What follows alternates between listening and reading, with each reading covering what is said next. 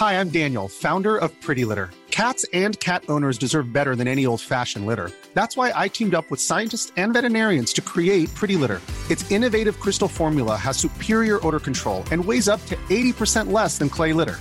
Pretty Litter even monitors health by changing colors to help detect early signs of potential illness. It's the world's smartest kitty litter. Go to prettylitter.com and use code ACAST for 20% off your first order and a free cat toy. Terms and conditions apply. See site for details. Hiring for your small business? If you're not looking for professionals on LinkedIn, you're looking in the wrong place. That's like looking for your car keys in a fish tank.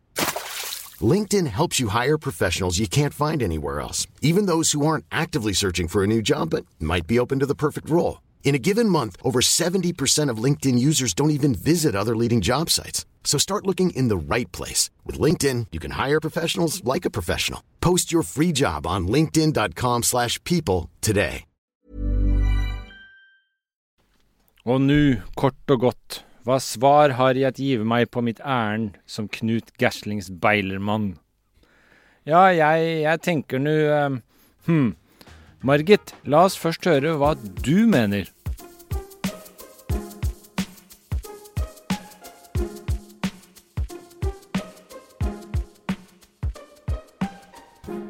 Velkommen tilbake til Øde Einar leser Ibsen. Velkommen. Hva tenker du om det sitatet her, Øde? Det er åpningen på Gilde på Solhaug. Jeg likte åpningen veldig godt. Ja. Fordi det var rett på sak. Ja. Og um, Gud, for en kjedelig tittel. Gilde på Solhaug. Ja, men du, Um, du vet eh, Platons dialog drikkegilde? Ja. Platon har en dialog som heter drikkegilde. som- symposium. Ja, eh, og gilde på Solhaug, altså gilde Det er jo et slags fyllekalas.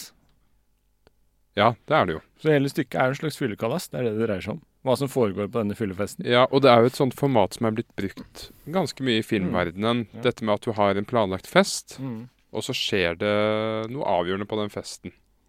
Det det er et veldig bra sted å lage et drama, fordi du har alt dette som foregår rundt. Tilfeldige mennesker som er på besøk.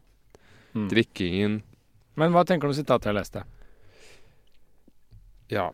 Ja, du tenker på Ja, jeg tenker nå Men Margit, la oss først høre hva du mener. Ja. ja, det er jo litt morsomt, eh, fordi når man først leser dette her, så, ja, så er jo Bengt og Margit det er jo bare, det er bare et ekte, ektepar. Mm. Men så får man jo vite litt mer om fortellingen og hvilken situasjon denne Margit er i. Ja, For dette er egentlig hovedpersonen, er det ikke det? Sånn jeg ser det i hvert fall. Bengt, Bengt og Margit er hovedparet. Ja, Margit er hovedpersonen. Ja. Det er hun som har åndelige trengsler i dette stykket, og dermed er vår hovedperson. Ja, Og Bengt er mannen hennes. Ja. Nei, altså etter å ha lest stykket, og jeg nå leser den setningen igjen, så fremstår det som er litt morsomt at han Dette stykket skal jo foregå på 1300-1400-tallet i Norge. Mm. Og han fremstår jo som en ufattelig tøffelhelt, Ja. tiden tatt i betraktning. Han er skikkelig pingle. Ja. Ja, jeg syns han er en tufs. Og det kom Jeg har skrevet i notatboka mi 'Tufs'. Bengt er lik Tufs, står det. Ja, og det er jo det, det er tydelig at hun ikke respekterer ham.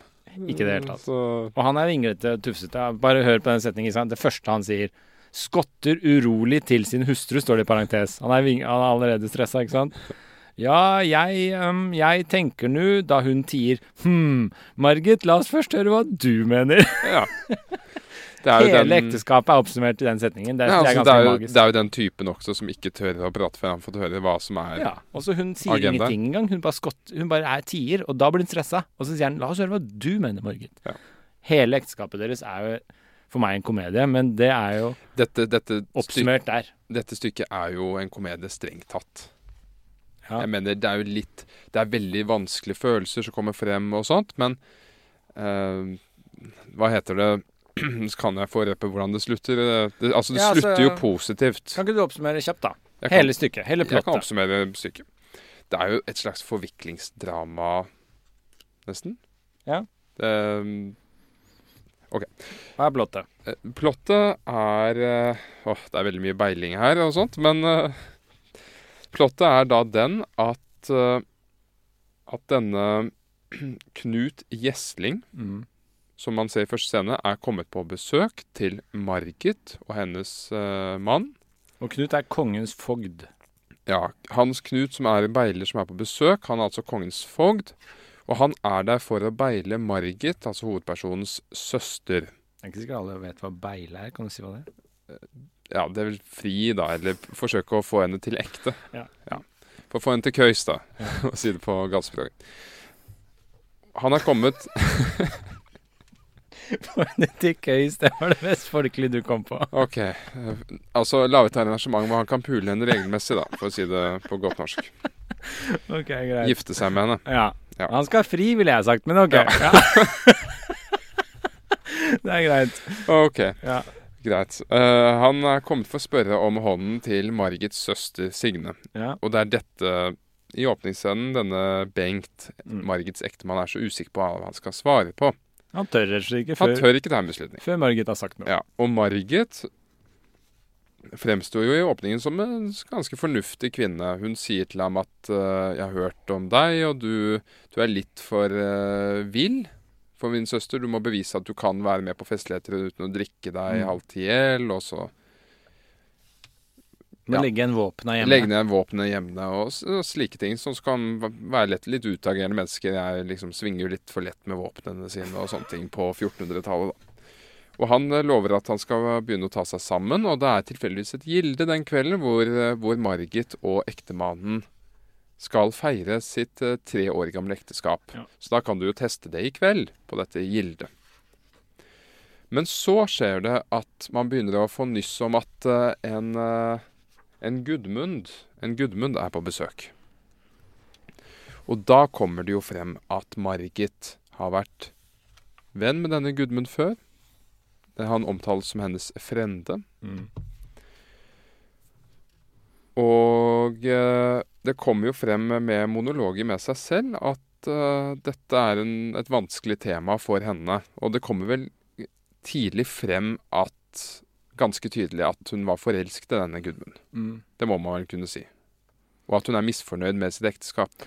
Ja, altså det er ganske tidlig, ganske klart, ganske tydelig at Margit er i et ulykkelig ekteskap. Ja. Bengt har ikke helt fått det med seg. Jeg tror ikke mannen hennes helt har skjønt det. Han er for dum. Ja, han er for enkel og dum. Eh, Men Margit er dønn ulykkelig eh, og føler seg kvært i dette ekteskapet. Og Og, hun er 23 år, sier hun på et tidspunkt. Hvor langt er et liv? Ja, Sier hun, ikke sant? For Hun bare kan ikke se for seg at hun skal leve det her helt ut, og jeg er bare 23 år. Ja. Så ja. og, så er det, og så er det en fin scene her hvor hun gjenforteller et uh, dikt som hun har gledet seg over, og hvor hun da innser at en av karakterene i dette diktet er henne selv. Hvor hun sier 'Røde gullringe, belte om mitt liv'. Med gull var det bergkongen festet sin viv. Og så fortvilet synker ned på en benk ved bordet til venstre. Ved meg, selv er jeg bergkongens brud. Altså at hun innser at ekteskapet med sin mann var bare pga. hans penger. Mm. Dette er jo en, en van, vanlig ja. konflikt. Det kommer frem at han er ganske bemidlet, han Bengt, men hun var ikke det. Ja, Så her begynner hun å innrømme for publikum at uh, ja, dette er et ulykkelig ekteskap, og jeg giftet meg med ham i grunn pga. pengene, og nå kommer denne Gudmund på besøk, og Men var det arrangert, er mitt inntrykk, mer enn at hun valgte han pga. pengene? Ja, det kan godt hende, Det men det fremstår jo som en anger her om at hun hadde en mulighet med denne Gudmund. Hun tok den ikke. Men la du merke til en ting, at eh, Bengt han er jo en tufs. Vi må bare si litt om det først, fordi det åpner så bra med Bengt. Ja. Før vi går videre. Fordi Bengt sier jo Han begynner å prate på et tidspunkt når han Knut er der og skal fri til søstera. Ja. Så begynner han Bengt å Og Knut er denne kongens fogd. Ja, Så sier Bengt plutselig Å, for den saks skyld så kunne nok jeg også Han begynner på en setning. Og så står det Uten å akte på ham, så sier Knut. Men vel skal de merke dere at havde en våpen for mannen talt til meg, så han bare avbryter Bengt. Uten å se på den engang. Altså Bengt begynner å si noe, så bare fortsetter Knut på noe annet. Altså Han Ja. hører ikke etter.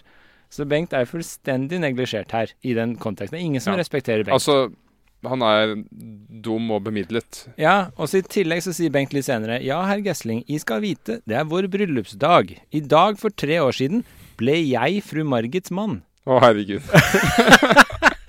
Så han sier ikke fru Margit ble min hustru. Ja. Han sier at han ble fru Margits mann, så han Ja. er jo underkua på alle Ja. måter. Det er veldig morsomt, da. Ja. Her, Men- dette er for meg komedie. Altså det ekteskapsforholdet der er det. Ja. Og så er det ja, ja, ikke sant. Sånn sett så er det jo litt rart at Margit kunne jo sikkert, med den makten hun har, fint skaffet seg en elsker, og det ville ikke vært et problem. Nei. For den, dette er en mann er så svak, han stiller jo ingen krav eller noe som helst. Nei.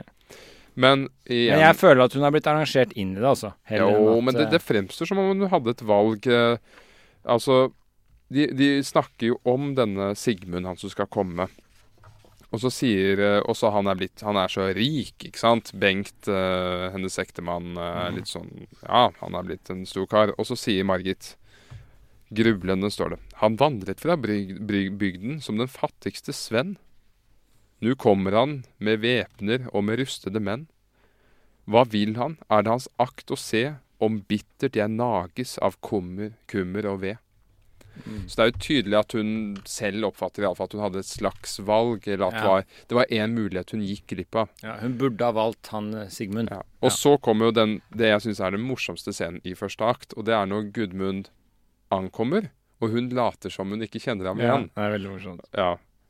Uh, og det kommer altså her. Ja, Gudmund sier til Bengt, og Margit, hun er da vel fornøyd? Nei, du, jeg kan hoppe litt. Uh, der. Bengt, uh, Gudmund sier, jeg sier, høylingen undrer meg hva I forteller om eders hustru. For de er jo gamle venner. Mm. Så sier Bengt, ja, mener jeg ikke det går meg like så. Jeg vil aldri gjelde for en ærlig herremann mer, dersom jeg skjønner hva hun ytterligere kan ønske seg. Jeg er om henne så lang dagen er, og ingen skal kunne si meg på at jeg holder henne strengt. Alt tilsyn med hus og gård har jeg tatt på meg. og ikke dess mindre, nå, I var jo alltid en lystig svenn. Jeg tenker nok I bringe solskinn med jer. Hysj, det kom, der kommer fru Margit. La jer ikke merke med at jeg Det er en bakgrunn her, og det er at han har innrømmet for Gudmund at, at hun virker litt trist. Ja. Og det skjønner han ikke, da, fordi Nei. han gir henne så mye, og han gjør alt arbeidet på gården og sånn. Men merk at det han alltid påpeker han gir, er bare materielle ting. Ja. Hun får ikke noe åndelig, ikke sant? Det er Nei. det som plager deg. Ja, det er jo det. Og så står det 'Margit kommer i rik drakt', som hun har pyntet seg i. da. Og så Gudmund går henne i møte. 'Margit, kjære Margit'. Og så står det 'Margit stanser, ser fremmed på ham'. 'Forlat meg, herr ridder, men Så står det parentes 'som om hun nu gjenkjenner ham'. Ah, for sant, hvis jeg ikke feiler, så er det Gudmund Alfsøn. Og så står det 'rekker hånden frem', og Gudmund uten å ta hånden. Og du kjente meg ikke straks igjen? Og så Bengt Lene. Nei, men Margit, hva tenker du da på? Jeg meldte deg jo nylig at din frende Han skjønte ikke det sosiale spillet i det hele tatt. Han var sånn Ja, men jeg sa det jo akkurat til deg. Så den er veldig morsom. Og det er så absurd at hun tror at han skal gå på den. Ja. Later som hun ikke kjenner ham. Men ja, det er Men- veldig uh, Men ja.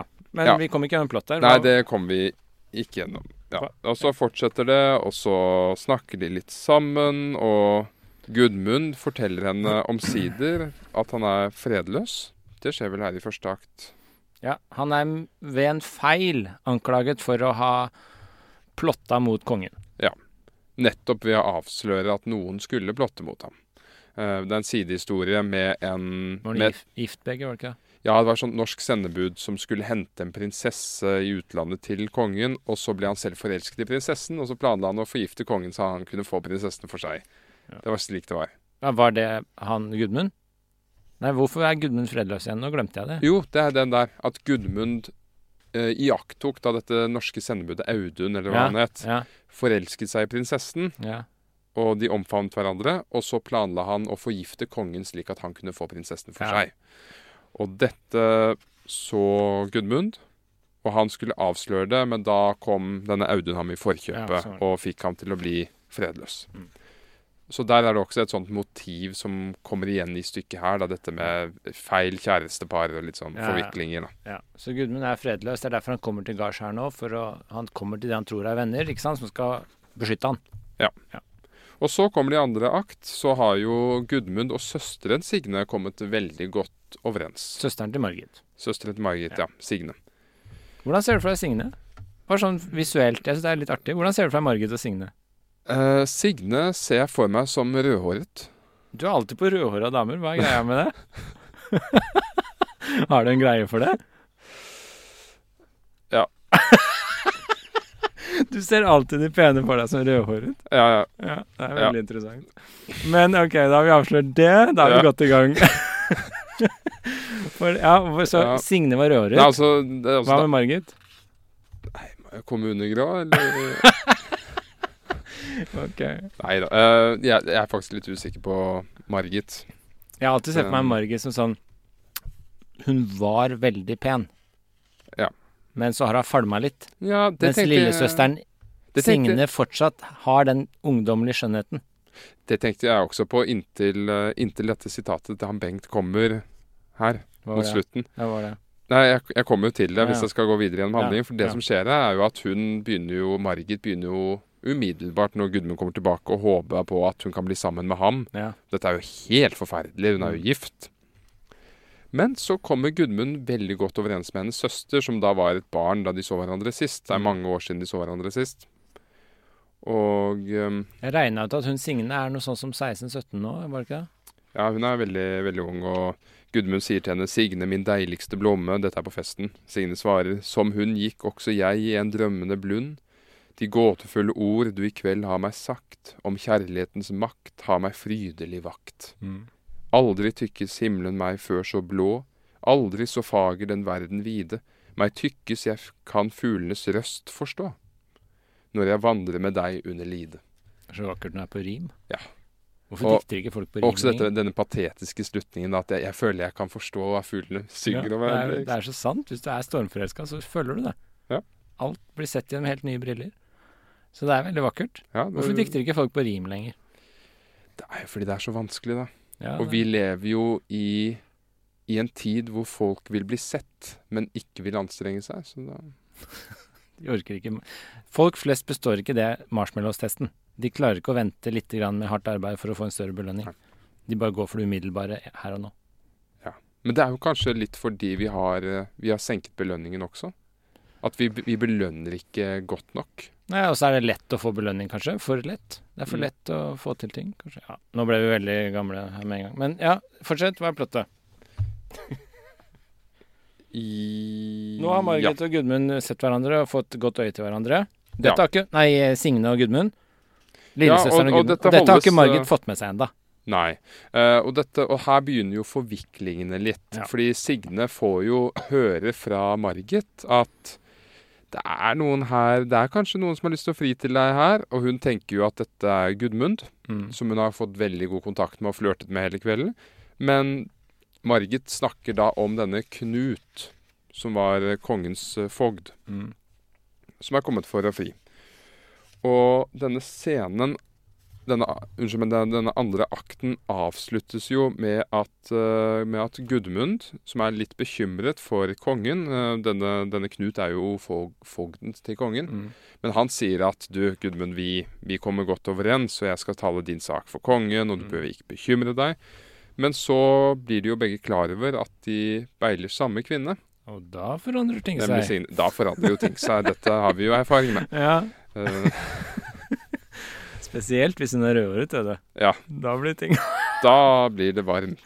Ja, OK. Ja. Så scenen avslutter jo med at Margit uh, blir veldig overrasket uh, over at eh, Signe blir beilet Mm. av Gudmund. Hun får litt sånn sjokk. Ja, hun får sjokk. Hun blir litt satt ut av det. Absolutt. Og La meg se Det er bare en liten setning her. Den spirer så lett. I den flyktigste stund fester den røtter i hjertets grunn. Var veldig fin setning om Ja. kjærlighet. Det er vakkert. som kommer fra Signes eh, lepper. Men ja, så de avslutter ikke på god akkord. Denne, denne Knut eh, drar av gårde, og Han Ja. sverger vel en slags hevn gjør han ikke det? ja, det Han gjør skal han. la han få dagen ut, så dagen etter skal han komme tilbake, og da er han fredløs for han. Mm. Og så avsluttes eh, akten eh, ja, med at, eh, med at Gudmund og Margit dikter for gjestene.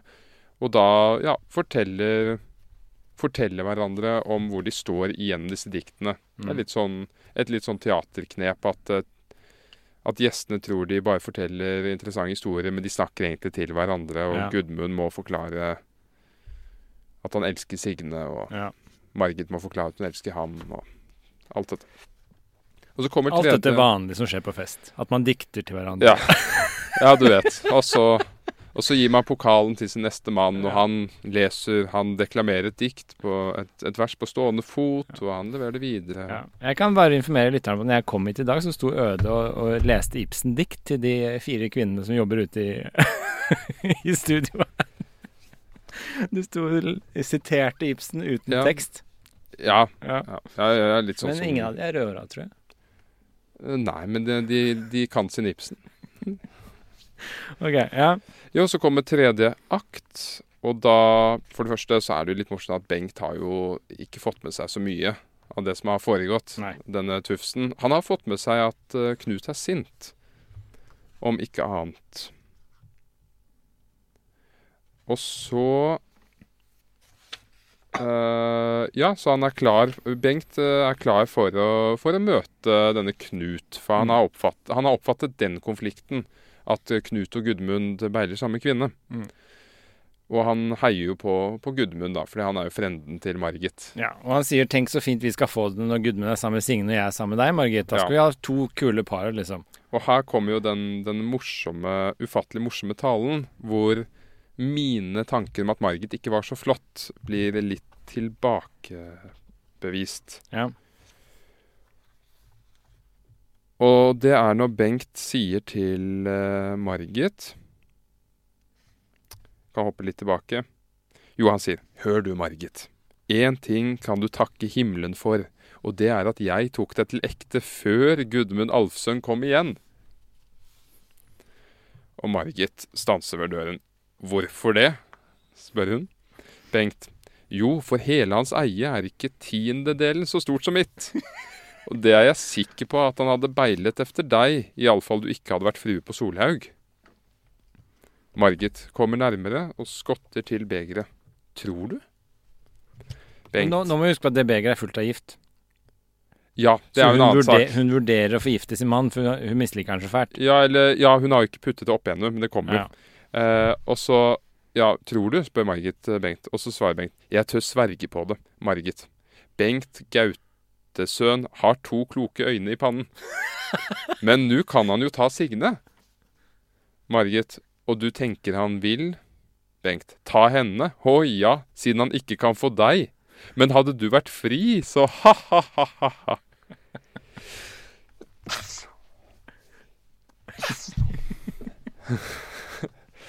Ja. Ja, Gudmund er liksom de andre. Han misunner meg at jeg er din husbond. Det er derfor jeg kan så godt lide deg, Margit. Hit med begeret, fyll, fyll det til randen. Eller fullt til randen.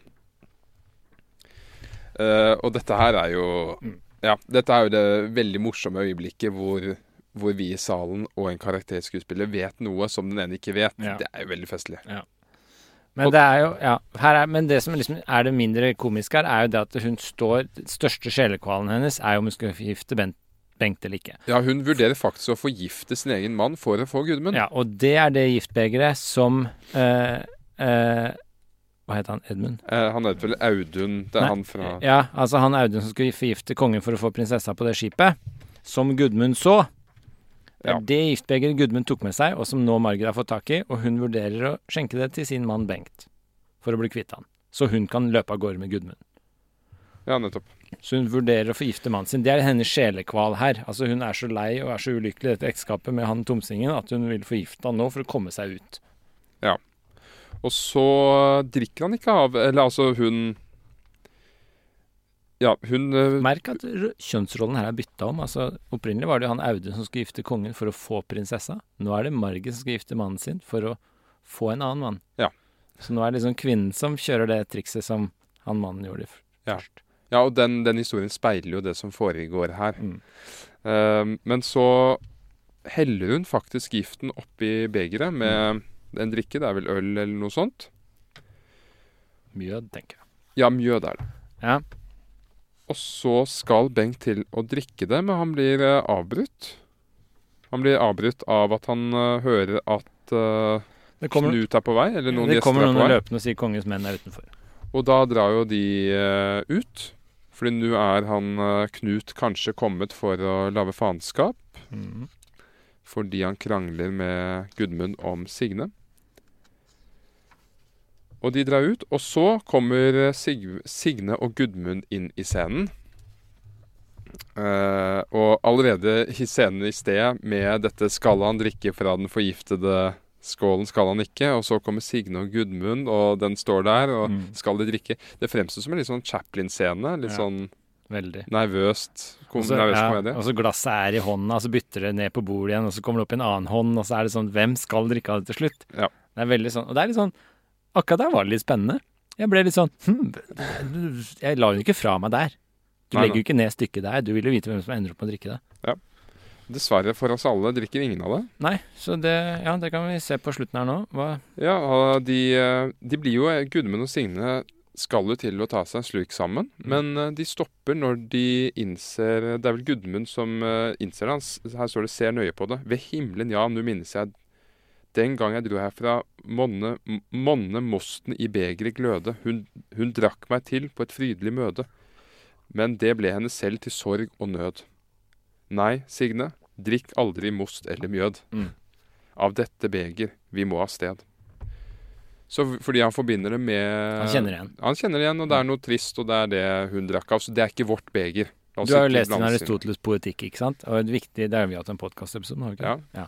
Det viktige der er jo denne gjenkjennelsen. Det er et viktig element i et drama, ikke sant? Det Ja. må skje noe som gjør at den ene karakteren gjenkjenner noe. Ja. Da er det et sånt skifte. Men jeg syns også det er interessant den fetisjeringen som man ser i mange klassiske verk, og som man ser her. Fetisjering, altså å putte betydning i objekter. At objekter er mer enn bare objektet. Mm. Jeg syns det er veldig interessant, og det er noe som har gått tapt i det moderne liv. Vi er så fordømt fornuftige i dag. Ja.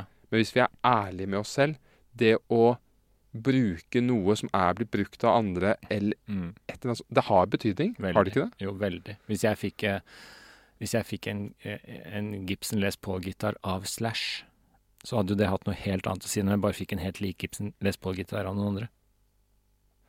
så du Dette relaterer du deg Ja, ja, dypt og ja. inderlig til. Det. Så det har veldig mye å si. Ja. Dette konkrete objektet. Det er liksom historisk verdi, det har symbolsk verdi, det har veldig mange verdier. Ja. Akkurat hvor og når og hvem dette Men, det objektet var. men den tror jeg og hva litt det representerer. Det tror jeg er litt forståelig for mennesker, dette med at noe har affeksjonsverdi. Men dette med at man skal unngå noe fordi det har vært borti noe, der Mm. blir folk ofte sånn Nei, dette er overdroisk. Jo, men hvis eh, Hadde du f.eks. brukt eh, jakka til Anders Behring Breivik? Nei, hadde faktisk ikke det. Nei, ikke sant? Så det har jo noe å si. Altså, unngå den fordi den har vært brukt av noen andre. Vi er jo der fortsatt. Ja, på- Men det er jo et ekstremt eksempel, da, så da, da kunne du fått med deg mennesker. ja. Men, ja, eh, men det fins jo, men den var kanskje mer betydelig før, da. Ja. Altså, den var, den var mer utbredt før. Ja, men jeg vil tenke på sånn som her, Gudmund han, Det har kanskje i dette stykket vært litt tvil om Litt sånn som Bengt var inne på, at ja, han går for Signe, men du hadde vært nummer én hvis du var tilgjengelig. Og så hører Margit det og tenker at jeg forgifter ham, jeg, så blir jeg tilgjengelig. det har kanskje vært litt tvil hos tilskueren og enhver om Signe er hans faktiske førstevalg. Men her gjør han det jo tydelig. Hun er mitt faktiske førstevalg. Vi drikker ikke av denne koppen. Den tilhører henne. Det har ikke noe med oss å gjøre. Mm. Det vi har, det er vårt eget. Så det er nesten som å brenne klærne til ekskjæresten eller et eller annet sånt. Ja. Det er veldig tydelig um, Jeg syns det var ganske tydelig hele veien ja, at han Gudmund heller ville ha Signe. Så, Ja, fort, så fort han kom til gårds. Personlig syns Ja. jeg det også, men jeg tenkte jo det kan hende at jeg tar feil her. Han kom tilbake og hadde lyst på lillesøstera i stedet, liksom. Ja. Det var jo det som skjedde. Det er ufattelig tragisk for Margit, men slik er det. Men, eh, så, men hans anelser er riktige. Han bør ikke drikke av det kruset, og det gjør han ikke. Og så skjer det følgende, at de finner ut at Bengt er død. At han har stormet inn eh, denne dumme ektemannen, dum som han er, har stormet eh, og angrepet Knut. Og Knut eh, hogg ham ned. Og Og- her viser jo Bengt litt guts. Ja, Altså, han Kongens menn Det er noen i ferd med å angripe gården, han løper ut. Da har han nettopp vært. Gilde, da. Han er kanskje litt full. Han er litt full, men han går i krig. Ja. Så han er ikke så pingle. Han er litt sånn enfoldig. Det, er- det kan man si. Og så kommer kongen omsider. Nei, gjør kongen selv. Nei, ikke kongen selv, men det er noen sendebud. Ja. Sendebud fra kongen. Jeg satt og venta på kongen. Og da tenker de at det er over, men sendebudet sier at nei, vi har fått høre den sanne historien om Audun og det som skjedde med prinsessen Gudmund, så du er velkommen til å ja, nærmest spise med kongen. Mm. Og ja, det var, må, det var litt skuffende avslutning, Fordi da, da avslørte det seg som en skikkelig komedie. Alt ender bare Jeg vel. Jeg satt og tenkte akkurat det samme. Det er helt, slutten er helt komisk. Altså, Det er nesten litt sånn Deus Ex-makene. altså ingen drakk begeret. Ingen endte opp med liksom å gå i døden for en tragisk Det er jo ingen tragedie her. Nei, det er ikke det. Det er komedie. Uh, så det Bortsett fra at Margit, når Signe og Gudmund blir sammen på slutten, og det er vakker kjærlighet, disse, dette uskyldige kjærlighetsparet, så sier Margit at hun skal gå i kloster. Ja, hun drar i kloster. Og det gjør hun rett i, for å si det rett frem. Hun har jo nesten forgiftet tre mennesker. Ja, vi kan komme tilbake til karakterene, men bare sånn på slutten Altså, plottet ender jo litt teit. Det må jo Såpass ærlig må jo være. Det ender litt sånn jeg ble, ender, sånn jeg ble skuffa. det ender sånn som grekerne dette, du har, hørt, har du hørt begrepet deus ex-makene? Jeg har hørt alle begrepene. Gud, deus, eh, Gud ut av maskinen. Ja. Fordi det var veldig vanlig i, i greske teaterstykker i antikke Hellas og at øh, helten kom opp i en vanskelig situasjon, Mm. og så hadde de en kran som senket en gud ja. ned, som reddet Mm. karakteren. Og det er litt for enkelt virkemiddel at du kan alltid bare sende inn en gud. Og det fremstår litt sånn her at og kongens endebud kommer, og han har plutselig hørt Gudmunds side av saken, og du er ikke fredløs lenger. mm, det er sånn Supermann funker, det. Det er litt sånn. Han bare kommer inn og redder alle. Ja. Det umulige har oppstått, så bare kommer han og fikser det. Ja, det er kjedelig. Ja, det er kjempekjedelig. Men Supermann er kjempekjedelig. Men det er jo litt Jeg vet ikke, jeg Det var ikke så klart for meg at det var ment å være en komedie før på slutten, skjønner du. Altså, jeg er ikke, det er ikke klart for Nei. meg. Det var litt sånn teit slutt. Jeg tenker sånn Jeg trodde noen skulle drikke det giftbegeret. Eller jeg trodde kanskje det ikke skulle gå bra for Signe og, og Gudmund. Men så gikk det jo bra for Signe og Gudmund. Og Margit kom seg til og med ut av ekteskapet. Ja. Hun ble kvitt mannen sin òg. Og så ble de til og med venner med han Knut. Ja. Og så var ikke Gudmund fredløs allikevel. Altså, alt ordna seg! Og det eneste offeret var han Bengt. Ja, han ble ofra på alteret her. Men ellers så ordna jo alt seg. Det var jo utrolig døll slutt. Det var ikke noe Ja. forløsning for mitt vedkommende i hvert fall. Nei, jeg opplevde også det som skuffende. Men ja, OK. Bra plott sammendrag av det. Takk. Millions of people have lost weight with personalized plans from Noom, like Evan, who can't stand salads and still lost 50 pounds. Salads, generally, for most people, are the easy button, right? For me, that wasn't an option. I never really was a salad guy. That's just not who I am. But Noom worked for me. Get your personalized plan today at Noom.com. Real Noom user compensated to provide their story. In four weeks, the typical Noom user can expect to lose one to two pounds per week. Individual results may vary. I'm Sandra, and I'm just the professional your small business was looking for. But you didn't hire me because you didn't use LinkedIn jobs. LinkedIn has professionals you can't find anywhere else, including those who aren't actively looking for a new job but might be open to the perfect role, like me. In a given month, over 70% of LinkedIn users don't visit other leading job sites. So if you're not looking on LinkedIn, you'll miss out on great candidates like Sandra. Start hiring professionals like a professional. Post your free job on linkedin.com/people today. Ja. eh, hva med karakterene? Ja, hva med karakterene? Det, Altså- det er jo han Ibsen fortsetter jo denne suksessoppskriften, tross alt, da, med at hovedpersonen har sterke kvaler. Ja. Det er- det er- Margit. At det er, det er, det er sånn vi gjenkjenner um, hovedpersonen, på en måte. At det er den personen som sliter med, med fortid og valgene de har tatt. Ja. Det er nesten definisjonen på en Mm. hovedperson i Ibsens univers. Det som jeg syns var litt sånn skuffende her, da, i forhold til Catelina f.eks., det var at eh, jeg syns alle karakterene kanskje Altså her er jo Margit åpenbart den mest komplekse karakteren. Ja. Litt sånn som vi snakka om i forrige episode. Katelina var den mest komplekse karakteren, så er Margit det her. Men jeg syns alle karakterene var litt sånn karikerte og enfoldige. Det var ingen av de som på en måte kom ut av teksten som levende figurer, skjønner du. Ikke sant? Det var sånn Hvis du ser på karakterene, da, så har du sånn Gudmund. Han er jo helten. Han er på en måte det som er eh, Hva heter han i eh, Kristin Lavransdatter, han som kommer og redder Kristin? Eh, Jeg lest. Edmund, er det ikke det? Eivind? Edmund? Hovedkarakteren der er det sånn, flott kar som kommer sånn Helten på hest kommer inn og redder.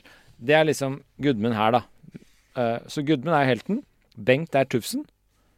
Signe er den pene unge, litt sånn litt enfoldige. Hun er ikke veldig kompleks karakter. Du får ikke veldig sånn Hun, hun, er, hun er bare deilig og rødhåret.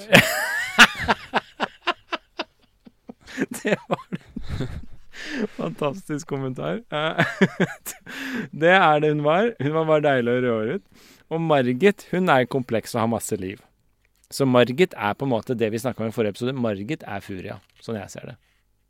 Fra Katelina. Så Margit er denne komplekse. Hun har jeg igjen. Jeg vil slå et slag for Margit.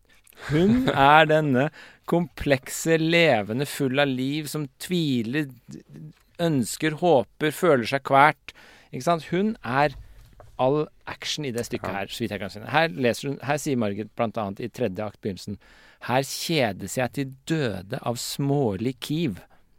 Gjennom verden går det et bølgende liv. Gudmund vil jeg følge med skjold og med bue. Dele hans fryd og mildne hans kummer. Altså, hun drømmer og lengter, og hun er jo den levende personen her. Og så, jeg forstår henne. Hun er så kvært og har dødd så mye inni seg i dette ekteskapet at hun er villig til å forgifte mannen sin for å komme seg ut av det. Altså, hun har ingenting å tape til slutt. Og hun gjør hva som helst for å komme seg ut av det. Ja. Og så er hun den karakteren som til slutt lar Signe og Edmund få hverandre, og velsigner det på en måte, og går i kloster selv. Så hun er den som får forløst seg, komme to terms with herself, gått i kloster. Ja, men altså, den Det valget om å gå til kloster fremstår jo også som litt komisk. Fordi jeg skjønner jo de kvalene hun har slitt med, og hun valgte feil. Hun valgte rikdom når hun egentlig ville ha dette stormfulle livet med denne Gudmund. Mm. Og så er det veldig vondt for henne å se at når han kommer tilbake, så er det hennes yngre søster Ja. som blir foretrukket. Så hun Og- ser jo hele si, alle sine muligheter Ja, til søstera si. Altså, jeg kan jo tenke at uh, Uten å være for sexistisk her Jeg tror nok at dette er et mye sterkere teaterstykke for mange kvinner enn for menn. Fordi det må føles selv grusomt.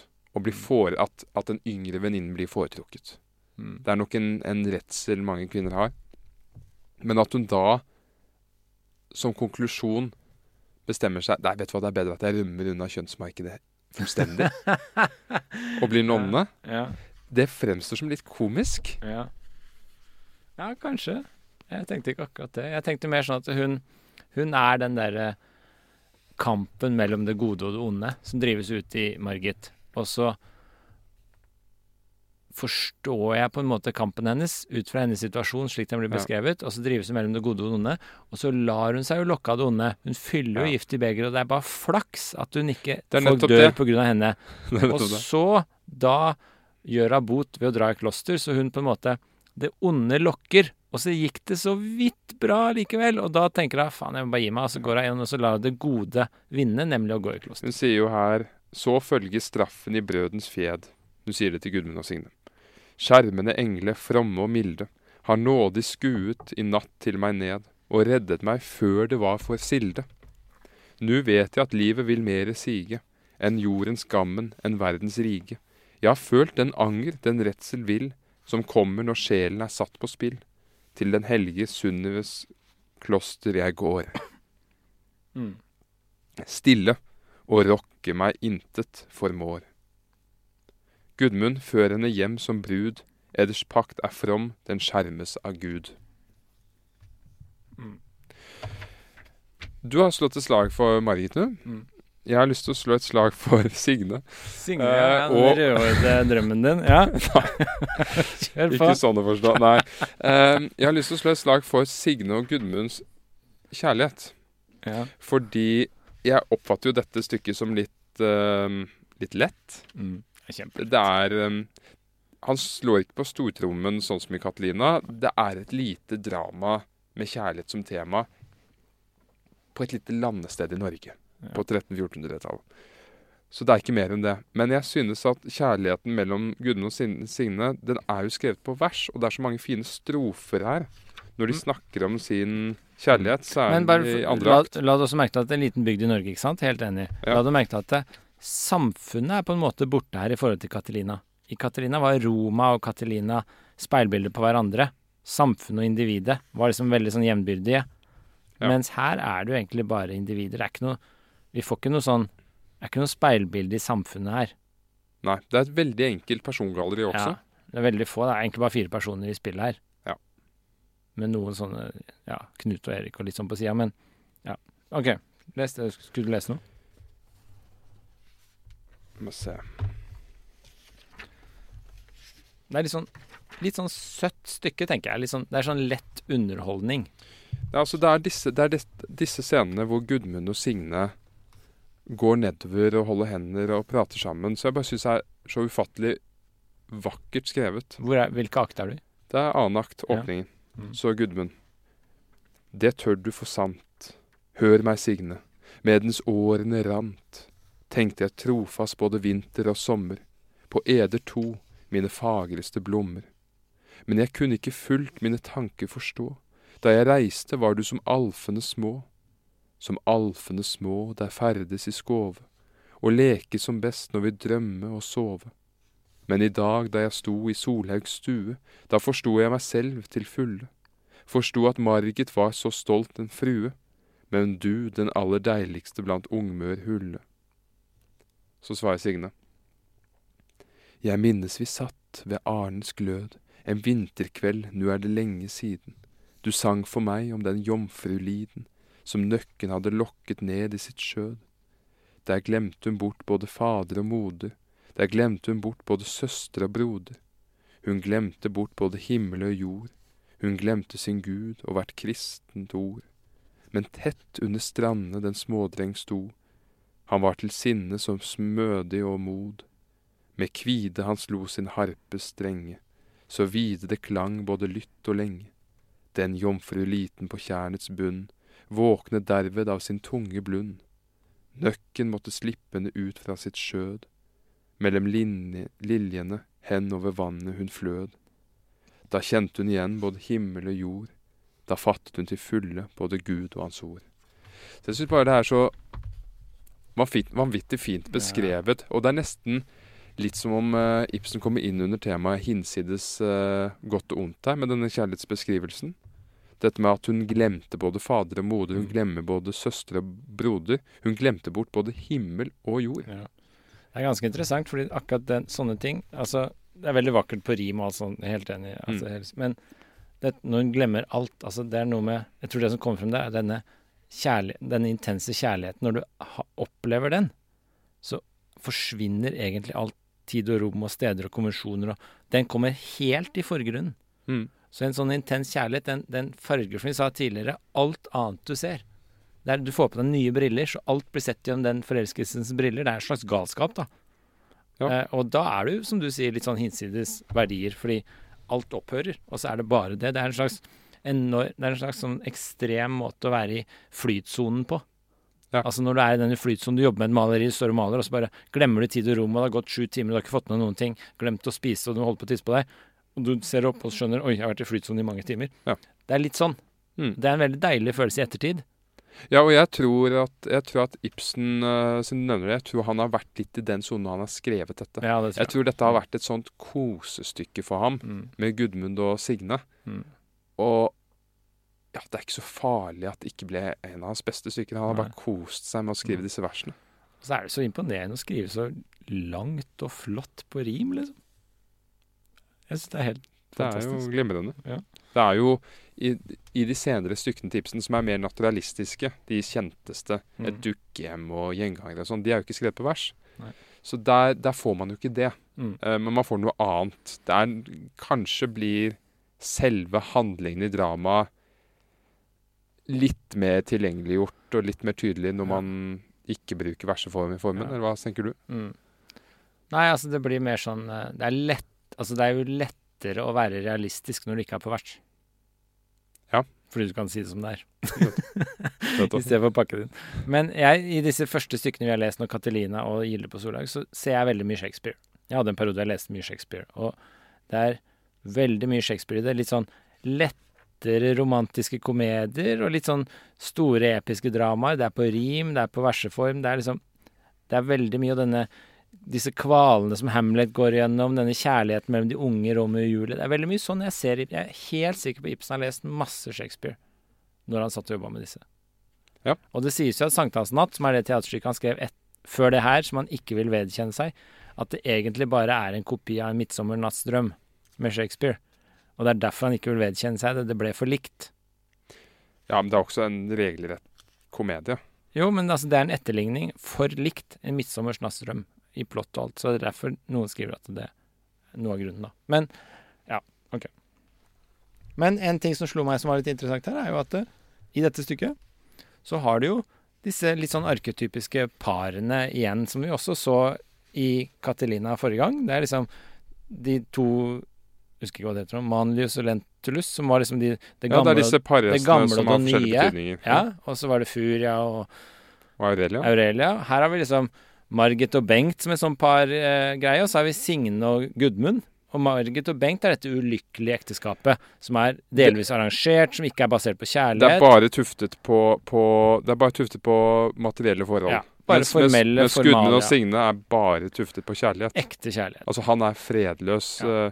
Det, og hun, er, hun sier 'jeg er klar til å rømme med deg', Mm. og det bra. Det er bare ren kjærlighet. Ja, så det er det helt rene, frie driften, egentlig.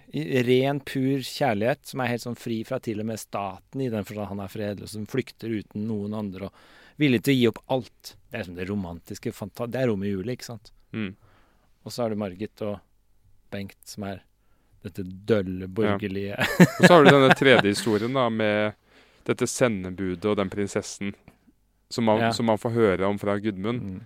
Som er den også den sterke, men litt mer sånn utspekulerte kjærligheten som Ja. Margit blir fristet til å la Ja. seg inspirere av. Mm. Det er ganske Ja. Er, sånn sett er det mye å reflektere over her også. I person, ta inn over seg og tenke på i sin tid, og bruke som sånn modell til å gi mening til sine egne liv og samtid og sånn. Finner det her òg. Men han som kommer dårligst ut av det her, er nesten han Knud Gjesling. Han merker jeg brukes eh, nærmest som eh, Han brukes som en eh, en mopp i dette stykket her. Så det er han som kom inn for å fri Han kom jo inn først for å be om Signes hånd, Mm, og så får han vite at, han, at hun holder på med en annen mann mm. i annen akt. Og så i tredje akt så blir han angrepet av Bengt, og så må han forsvare seg, og ufrivillig blir en drapsmann. Mm. Og det er ikke så mye mer enn det. Nei, men han er jo litt feig i tillegg, for han kneler jo foran Gudmund og sier 'sorry, hvis du bare frier meg nå, så skal jeg hjelpe deg med kongen fordi du er fredløs'. Ja. Så Knut er jo i tillegg litt sånn fyllefant og sånn, så lover han å skjerpe seg hvis han får Signe, og så, han så drar han for å hevne seg, men så ender han i et slagsmål med Bengt, og så blir han tatt, Ja. og så står han der fanget og bundet, som det står, og så da har jo Gudmund plutselig overhånd. Ja. Og da sier han bare 'nei, vi skal være venner, og jeg skal hjelpe deg hos kongen', og så Ja. sier Gudmund 'ok', så slipper han løs han, så, så han er jo sånn vinglepetter, han der Knut. Han er Ja, egentlig han er jo ikke sånn vinglepetter heller, han er jo egentlig bare en vanlig fyr som, som prøver å få det han kan ut fra enhver situasjon. Ja, han er som en sånn helt vanlig fyr fra Vormsund, egentlig. Ja, og det er det jeg reagerer litt på her, at uh, han er litt for enkel, altså. Ja, jeg syns Bengt kanskje er enda enklere. Jo, men Bengt er jo komisk komi Altså, han er enkel fordi han skal Ja. Det, er et, det er et komisk poeng der. Mm. Men um, Ja. Nei, denne Denne Knut Jeg syns han har kommet litt uheldig ut av det. Men da kommer vi til spørsmålet um, Hvilke karakterer identifiserer du deg mest med, og hvilke karakterer overraska deg mest, eller fikk du mest sansen for, kanskje? Ja. Uh, for å ta det første Jeg Jeg kjenner meg nok eh, aller mest igjen i denne Erik, som vi ikke har snakket om.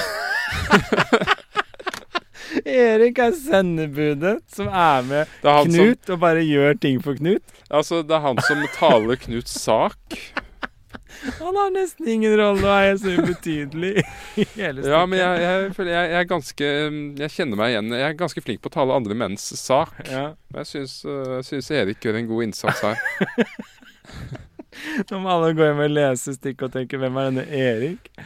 Ja, men Ja. det er bra. Ja, det blir de fint nødt til. Ja, det er veldig bra. Han dukker opp et par Ja, steder og når det kommer til uh, hvem jeg ser opp til, så er jeg bare innrømme Han er jo ikke med i som skuespiller her, med denne Audun som blir beskrevet, som er Ja. klar for å forgifte kongen for å få konen i sitt liv. Jeg Ja. ser litt opp til det. Ja, det er, han er det trøkk i. Mens han Gudmund Han blir hengt i Bergen til slutt, han Ja, husker det? Han blir Ja. Mens han Gudmund er jo bare en Altså, han er veldig flott, og alle disse versene han leser opp Mm. for Signe og sånn, men Jeg ser for meg Han Gudmund som skikkelig sånn- kjekkas. Ja, han er skikkelig kjekk, ass. Ja. Men, men han Altså, han var ikke noe hyggelig mot Audun. Mm. Han er litt for tro mot kongen. Mm. Og det er litt sånn billig martyrsymbol. Mm. En fyr som egentlig prøvde å hjelpe kongen, men ble lurt.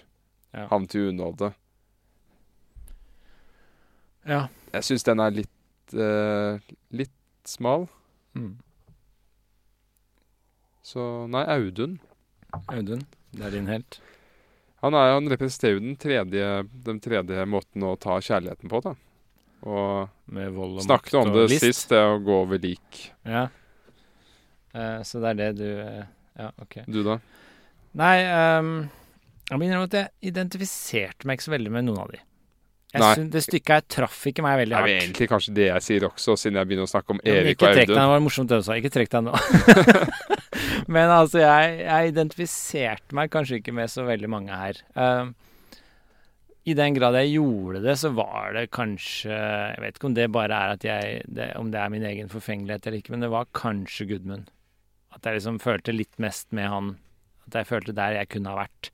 Drite meg litt ut, og så blitt fredløs, og så kjempeforelska, og så Kunne ha vært litt Gudmund, liksom, kanskje. Men jeg ser ikke på meg sjøl som en sånn kjekkas, så det er problemet mitt. For Gudmund ser jeg på sånn staut, kjekk kar som kommer og liksom Har alle de der idealene fra et sånn moteblad, skjønner du. Altså, han, er bare, han er bare litt flinkere til å deklamere dikt enn deg. ja, men ja. Så jeg, jeg, jeg tror ikke Du kan passer- lære ham. Jeg skal lære han. Jeg skal Ja. lese han om igjen og lære han. Men den som overraska meg ganske, det var nok Margit. Altså ikke overrask meg, men Margit var litt sånn Jeg fikk sansen for Margit. Mm. Jeg har litt respekt for Margit. Jeg skjønner hennes sjelekvaler. Jeg, jeg respekterer hennes valg om å gå i kloster til slutt. Hun skjønte kanskje at hun ikke burde fortsette, for hun var villig til å forgifte folk. Altså, kanskje hun, hun redda verden med å ofre seg sjøl, ikke sant? Altså, hun skjønte at dette kommer ikke til å gå bra hvis jeg slipper ut. Så hun la på seg selv sin egen straff, på en måte. Så jeg, eh, jeg fikk nok litt sansen for eh, Margit. Ja. Uh, og det vil jo si at i Catelina og Gilde på Solhaug så langt, uh, overraskende nok for mitt vedkommende også, så har jeg hatt mest sansen for de to kvinneskikkelsene Furia og Margit. Mm. Ja. Uh, For å være helt ærlig. Og jeg begynner nå, det var derfor jeg leste første setningen i Gilde på Solhaug som jeg leste òg, når Bengt sier 'la oss høre hva du mener, Margit', så begynner jeg nå å se litt konturene til Ibsens kvinneskikkelser. For Ibsens kvinneskikkelser kommer ganske bra ut av det etter hvert. Og han var ganske tidlig på den kvinnesaken som ble debattert liksom om kvinners frigjøring, om de skulle få stemmerett og alt dette som kom opp på den tiden. Og han eh, Jeg mistenker at jeg kommer til å begynne å lese han som litt sånn tale kvinnenes sak ganske tidlig. da. Ja, Jeg syns det han presenterer ganske interessante kvinneskikkelser, og jeg syns kvinneskikkelsene i bøkene så langt kanskje har vært de mest interessante skikkelsene. Ja. Eh, Han har i alle mens mennene fremstår litt mer enfoldige. Han viser iallfall i dette stykket at han, eh, at han kan sette vel, seg veldig inn i en, en kvinnes problematikk, og Ja. en kvinnes historisk problematikk. For det, det med å ha giftet seg med, med en fyr for pengene hans og ikke for kjærlighet, det er sikkert helt forferdelig. Mm. Um, Ja. Vi gjør jo mange feil, sånne feil Så han viser ganske gode empatiske evner, da. Ja, Og det er jo et krav for en god dikter, Ja, det, det er vel det. vil jeg tro. Ja. Jeg håper det. La oss anta det. ok. Men jeg følte ikke det var sånn kjempemye mer å si om det stykket her. Eller? Nei, det var, et, det var et enkelt, lite tablå, på en måte. Ja. Men uh, sikkert veldig greit å sette opp. Hvis Mm. man vil sette opp noen av disse skuespillene vi leser. Katelina er vanskeligere. Ja, det kunne være lett og artig å sette opp bilder på Solhaug på en sånn avslutning på videregående skole-performance. Ja, Alle elevene spiller Hvem skal det være kan være eh, veldig bra. Han der som er god i idrett, spiller Gudmund, ikke sant? Og det er et, og det er et veldig universelt tema. Han han litt overvektig, han spiller Bengt, og så Ja, ja. Ikke sant? Den pene får være Signe. Det er Rød, rød. Den Rød. ja, nei. Jeg anbefaler alle videregående lærere å sette opp Gilde på Solhaug som avslutning på videregående. Ja. Det er en god anbefaling. Er det noe mer du ønsker å si eller ha på hjertet?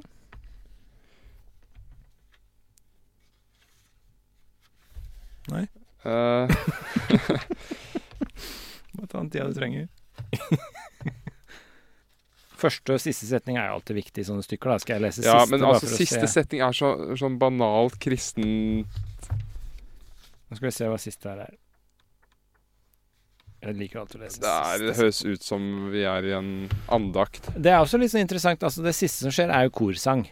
Så det blir en korsang til slutt. Og det er jo litt sånn de gamle grekerne drev, ikke sant. De hadde korsang før og etter og under. Det var mye synging, og det sto mange kor. Og ifølge noen sånne fortellinger, annet den du får fra Nietzsche, er jo at eh, de greske tragediene eh, nådde jo en klimaks når liksom du hadde den perfekte blandingen av kor og sang og drama og snakk og sånn, mens før det så var det veldig mye synging og mindre prating. Ja. Og så ble det mer prating, så ble det begge deler, og så ble det bare prating. Og så kom operaen senere og prøvde å etterligne det gamle igjen. Eh, Så det det er jo interessant her. Ibsen kjører litt på den korsangen til slutt. Ja. Eh, Men hva, du, kan, du som leser så vakkert, kan ikke du lese det siste Signe sier? For det Ja. slutter jo med Signe, som er denne vakre, rødhårede, frie kjærligheten. Som, Som er sier- helt ubetinget og kaster sier, staten over bord for å få leve. velsigne deg. Ja, ikke sant? Der ligger jo navnet. Mm. Signe sier. Og Gudmund. Gudmund Gud- sier Gud- 'Signe min viv'. Gudmund. Han taler Guds Ja. sak. Signe min viv, se dagen rinner, det er vår unge kjærlighetsdag. Og Signe svarer, mine beste drømme, mine fagreste minner, skylder jeg deg og din harpes slag. Mine edle sanger, i sorrig og lyst, slår kun din harpe som best du lærte. Tro meg, der er strenge dypt i mitt bryst, som skal svare deg i fryd og i smerte. Så kommer korsang. Syng, da. Korsang. Over jorden vokter lysets øye, verner kjærlig om den frommes fjed, sender trøstens milde stråler ned, lovet være Herren i det høye.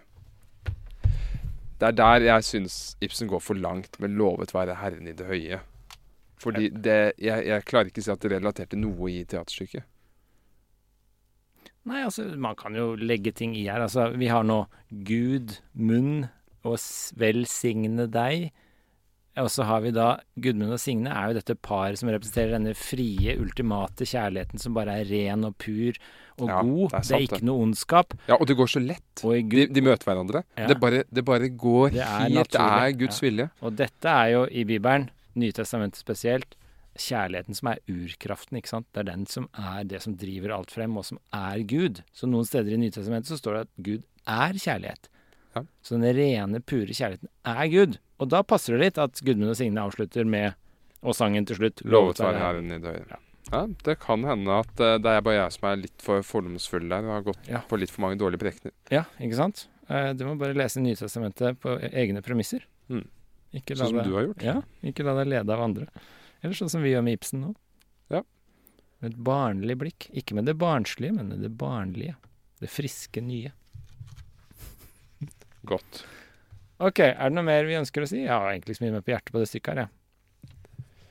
Nei, ikke jeg heller. Dette var et, eh, et lite, fint uh, tablå som kan settes opp på videregående skoler. Fint. eh, ganske nervepirrende dette med Margit. At, Ja. hun, eh, at hun har giftet seg med feil mann. Det er helt forferdelig. Også det giftbegeret. Det var litt spennende. Ja. Men eh, litt, litt Ikke samme mm, Ja, dybde og persongalleri som Katrine. det har ikke det samme episke aspektet som mange andre. Men det er jo eh, Det var gøy, da. Ja, Vi hadde det jo morsomt. Absolutt. Og jeg syns tittelen er kjedeligere enn stykket, egentlig. Ja. Jeg syns godt kunne hatt en morsommere tittel. Ja, og så er det jo et fyllekalas, så det skal liksom være litt sånn klabb og babb og forviklinger og Ja. Fyllekalas på Solhaug kunne det. Ja. Fyllekula på Solhaug. Men eh, da er neste vi skal ta, er 'Fru Inger til Østerått Ja. Den er skrevet på ca. samme tid. Fem Mm. akter. Litt større enn forrige. 1857 står der, men jeg mistenker at den var skrevet litt før den andre, og så har den kanskje jobba litt fram og tilbake. Også. Ja, Det er litt uenigheter rundt det. Fru Inger til Østerått, Jeg har ikke lest den, da har du? Nei, det har jeg ikke. Så da blir det friskt i minne om en uke. Ja. OK. Takk for i dag. Det var morsomt. Takk for i dag. Vi snakkes. Vi ses neste uke. Produsert av Klinge.